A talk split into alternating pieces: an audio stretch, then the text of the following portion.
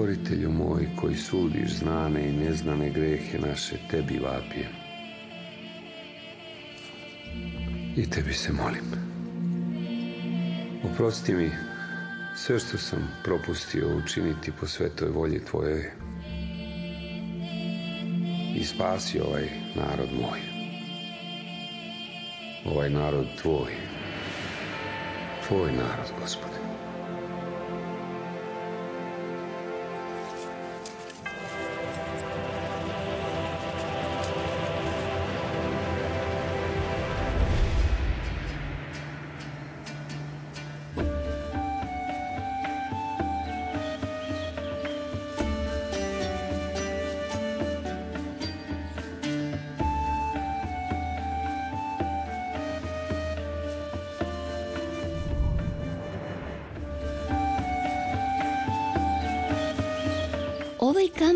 Pamti molitve svetog kneza Lazara.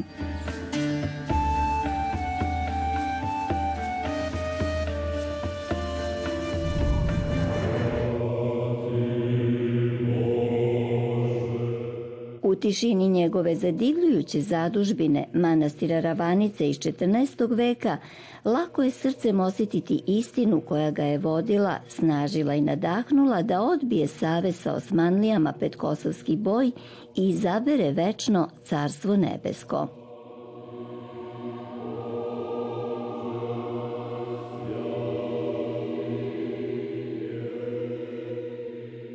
Ostale su zabeležene njegove reči – Bolje da nas unuci mrtve pamte, nego da nas se sinovi živih odreknu.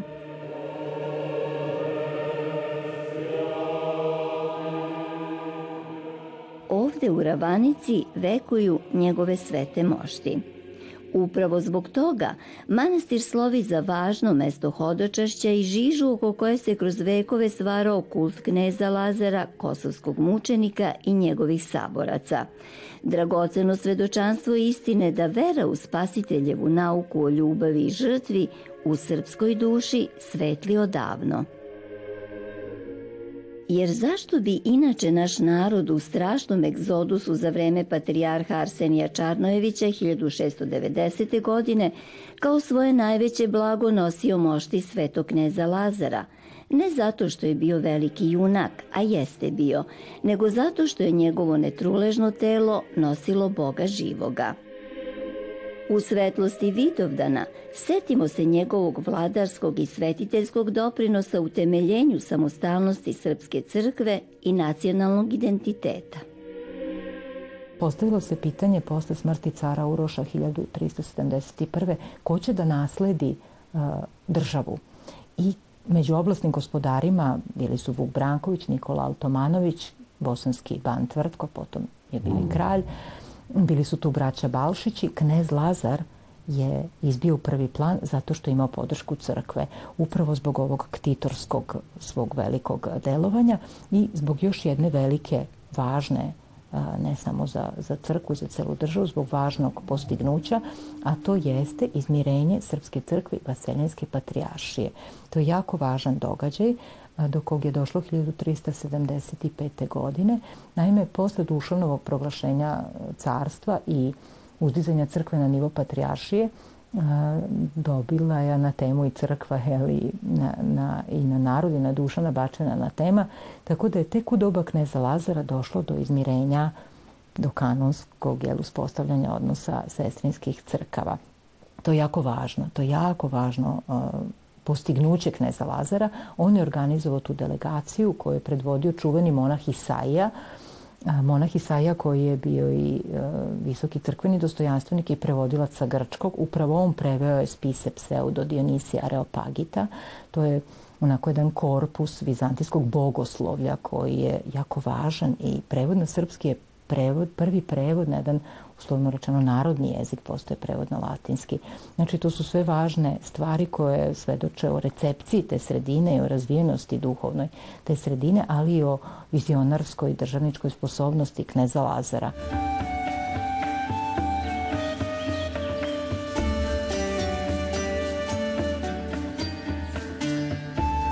Knez Lazar širom je otvorio vrata izbeglicama, ne samo učenim ljudima, prevashodno njima, ali i monasima koji su se sklanjali iz ugroženih krajeva, prevashodno po Turcima, to su bili učeni i Bugari i Bizantinci, a pogotovo su dolazili i sihasti.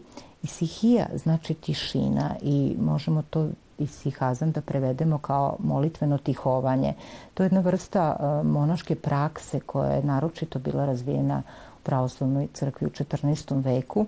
Reč je bila o molitvi, unutrašnjoj molitvi, molitvi u sebi.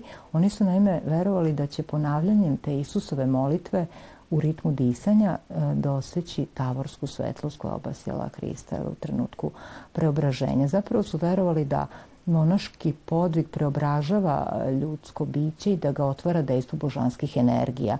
U stvari da je Boga mogućno videti preko njegovih energija. Znači imali su jednu sasvim specifičnu viziju uh, i uh, monašku praksu koja je jako uticala na kosovski spis i na tu atmosferu oko Kosova, shvatanje stradanja kao najvišeg izraza spasenja. I upravo uh, uticaj tih monaha i sihasta se prepoznaje u kosovskim spisima. I kad pogledamo taj ključni spis uh, Lazarevog opredeljenja za carstvo nebesko koje je sastavio sam patrijarh Danilo III ili Danilo Mlađi, moto je taj bolje nama u podvigu smrt nego li sa stidom život. To Lazar govori vojnicima u momentu pred bitku, a oni mu horski odgovaraju umrimo da svak da živi budemo.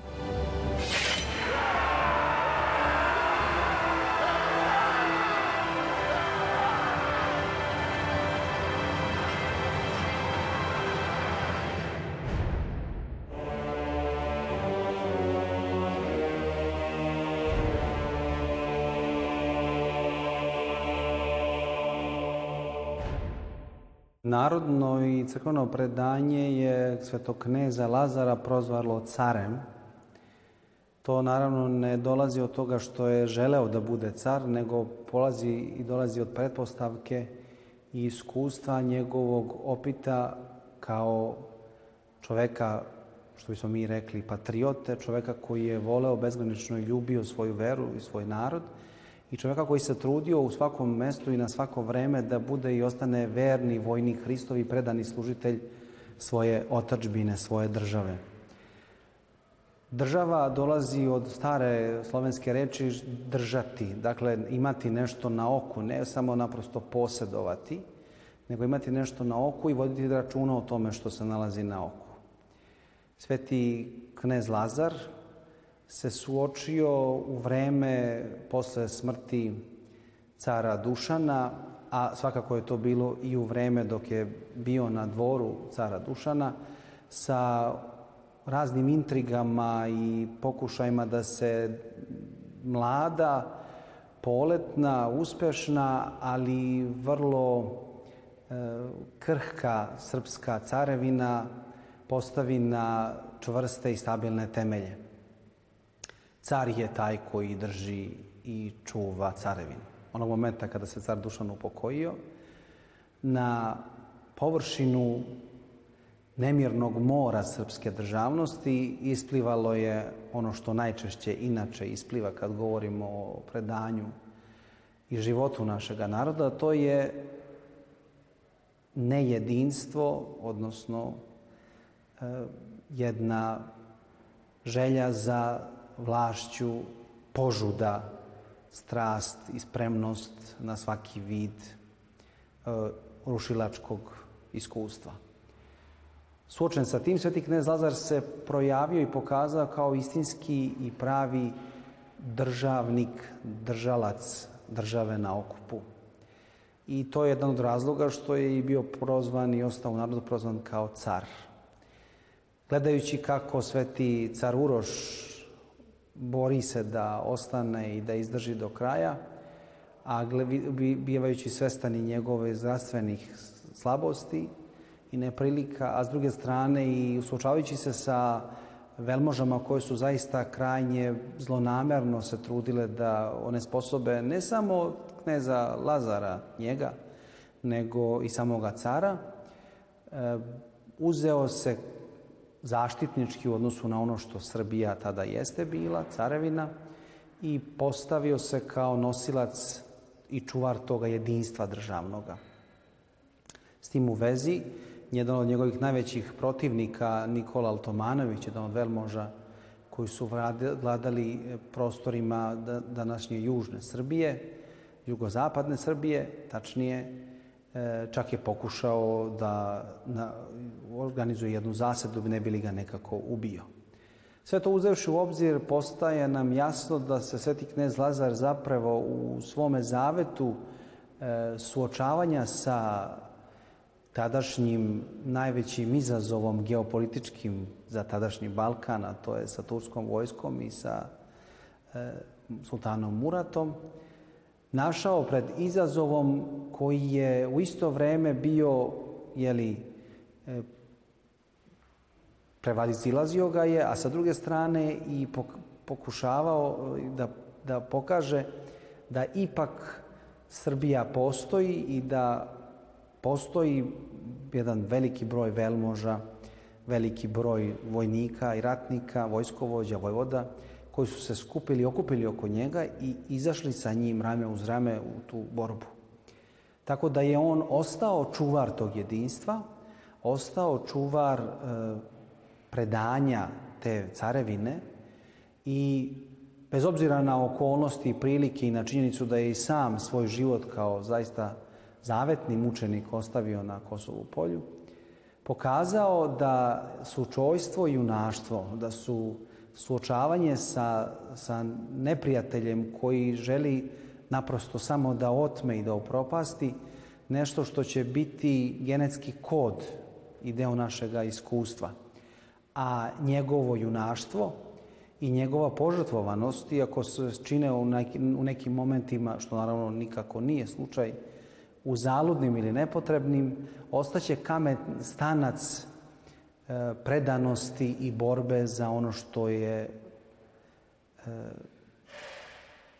deo kulture, tradicija, za ono što je deo našega predanja. Lazare besmrtni savesti svom rodu, sad si car na nebu, nekad knez narodu. Ti si save srpska što na nebu blista, što nikad za zemlju ne izdade Hrista.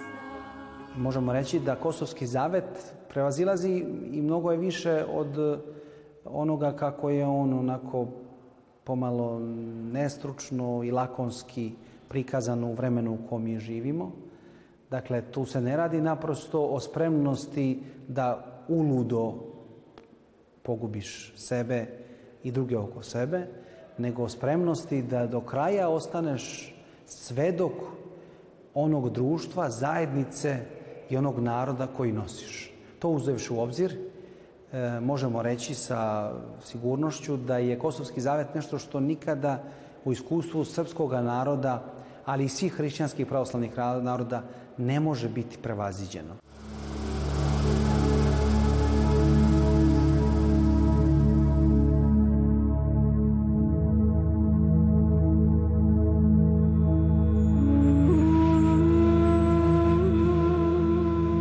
Sa severne strane Radan planine, nepuna 3 km od prolom banje, veku je jedina crkva Brvnara u Topličkom kraju posvećena je svetom knezu Lazaru, a još od 14. veka pa do naših dana intrigira svojim čudesnim svedočanstvom o vezama Kosovskog i Novog Zaveta, ali i o povezanosti duhovnog i fizičkog sveta.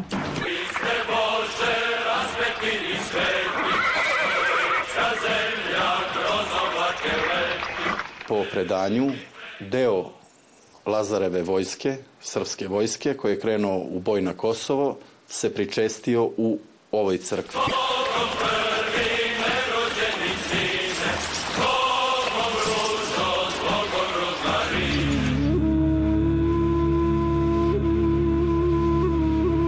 Kao što ste mogli videti, oko crkve se nalaze šljive koje stoje kao opomena svima nama Srbima i delo je Božije zato što su te šljive uvijene, uvijaju se znači oko svoje ose i po predanju uvijale su se za vojskom koja je krenula u boj na Kosovo, pa po predanju i priroda je znala da se neće vratiti.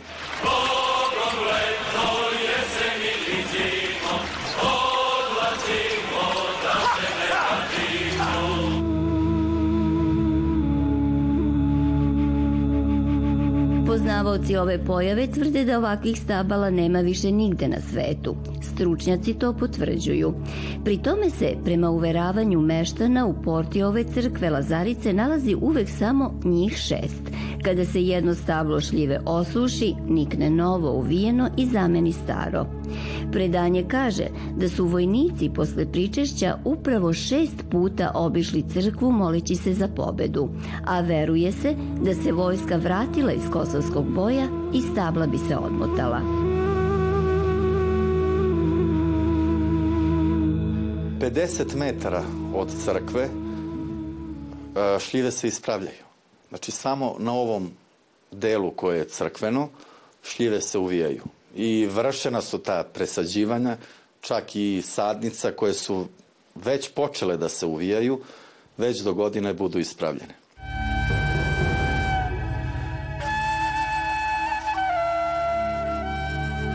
Po kosovskom boju kneginja Milica je dočekala telo kneza Lazara na Prepolcu, koji je u neposrednoj blizini.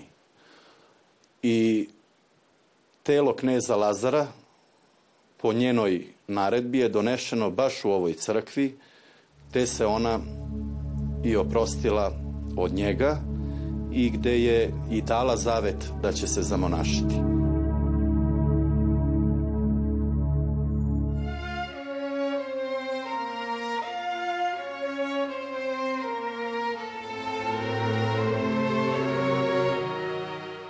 Posle kosovskog boja telo kneza Lazara bilo je sahranjeno u Prištini.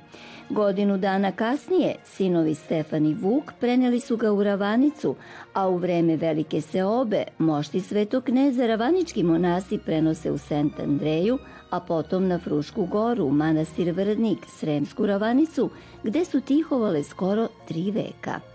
Tu smo zabeležili čudesnu priču jeromonaha Lazara pre nego što ću ja doći u manastir uopšte, nisam ni razmišljao o monaštvu i o manastiru, jel šta jedno dete završio tek ovaj, srednju školu. Javi mi se eto u san tako jedan neki starac, jedan stariji čovek, ovaj, ja se nalazio eto baš ovde u ovoj porti manastirskoj kao nešto sam radio, nešto tamo šta ja znam. I ovaj, dolazi meni tako jedan sed starac sa dugom bradom i sa štapom jednim tako kao vladika ide i dolazi do mene i pita mene dete koji je svetitelj 28. juna?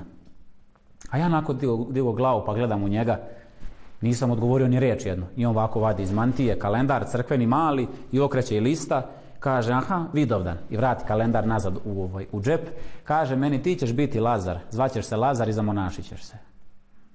Ja nakon ništa čutim, jel ništa ja nisam progovarao, razgovarao i ovaj, i kada je došao taj dan, eto, ispunilo se, ali ubrzo se ispunilo u roku pola godine, ja sam i otišao u manastir i ovaj, do, došao sam prvo u manastir ovde Ravanicu kod nas, tu sam bio eto jedno izvesno vreme, vladika je to zamonašio.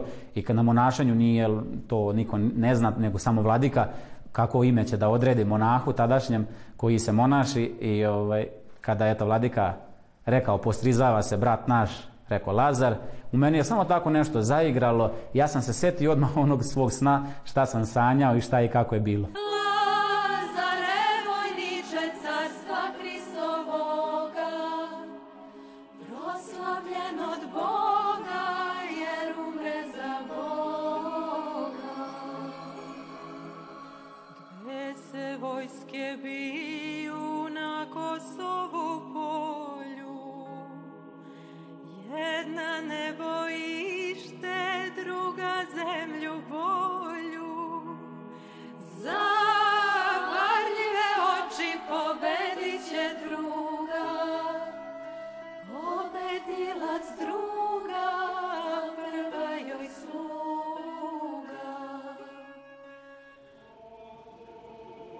Za vreme drugog svetskog rata 1942. godine mošti svetog kneza Lazara donete su u sabornu crkvu u Beograd, odakle su putujući od Vidovdana 1988. do avgusta 1989. godine preko Vrdnika, Ozrena, Tronoše i Ćelija, zatim Šapca, Valjeva i Kragujevca, pa manastira Žiče, Ljubostinje i Pavlice, potom Gazimestana, Niša, Kruševca i manastira Manasije stigle kući u Ravanicu.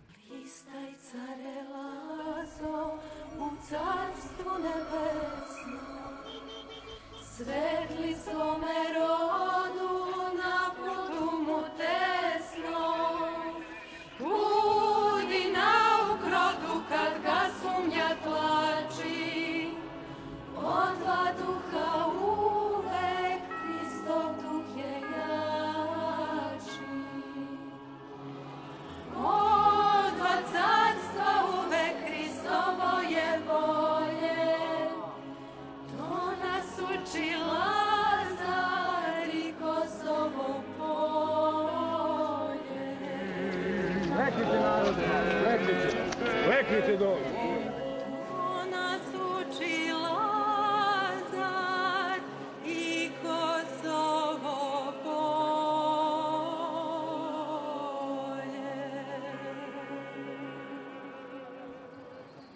Bila je znači proslava 600 godina od Kosovske bitke i po blagoslovu patrijarha, po blagoslovu vladike, znači ovaj, takav je blagoslov bio da se mošti svetoga cara Lazara premeste u njegovu zadužbinu, manastir Ravanicu, tamo dole kod, kod Ćuprije.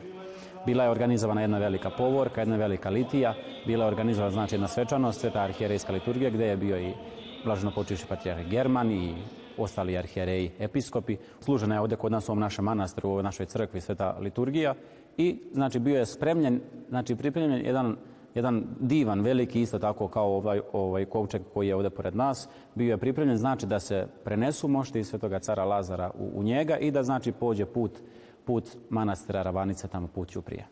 Kada su eto, sveštenici i monasi i verni narod koji je tu sad bio, znači kada su premeštali mošti svetoga cara Lazara iz ovog ovdje, ovog kovčega koji stoji pored nas, ovaj, nije bilo namere jel da ostane ništa, nego znači da se sve prenese tamo ovaj, i, i sve jedan deo.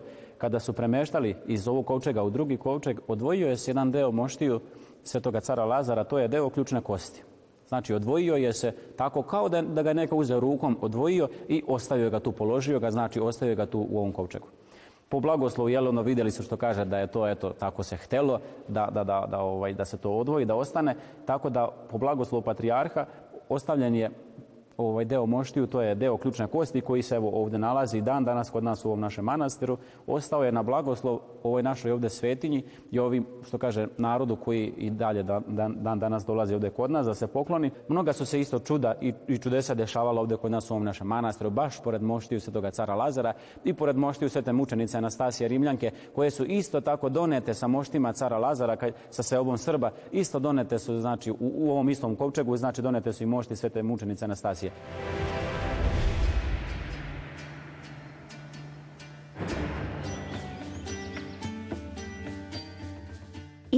Koncu podelit ćemo sa vama, poštovani gledalci, i činjenicu da je upravo u toku snimanje igrano edukativnog filma Knez Lazar po ideji reditelja Marka Marinkovića, koji će prikazati život Lazara Krebeljanovića od rođenja preko odrastanja na dvoru cara Dušana, napredovanja do titule kneza, zatim ženitbe sa kneginjom Milicom, izgradnje Kruševca pa sve do Kosovske bitke.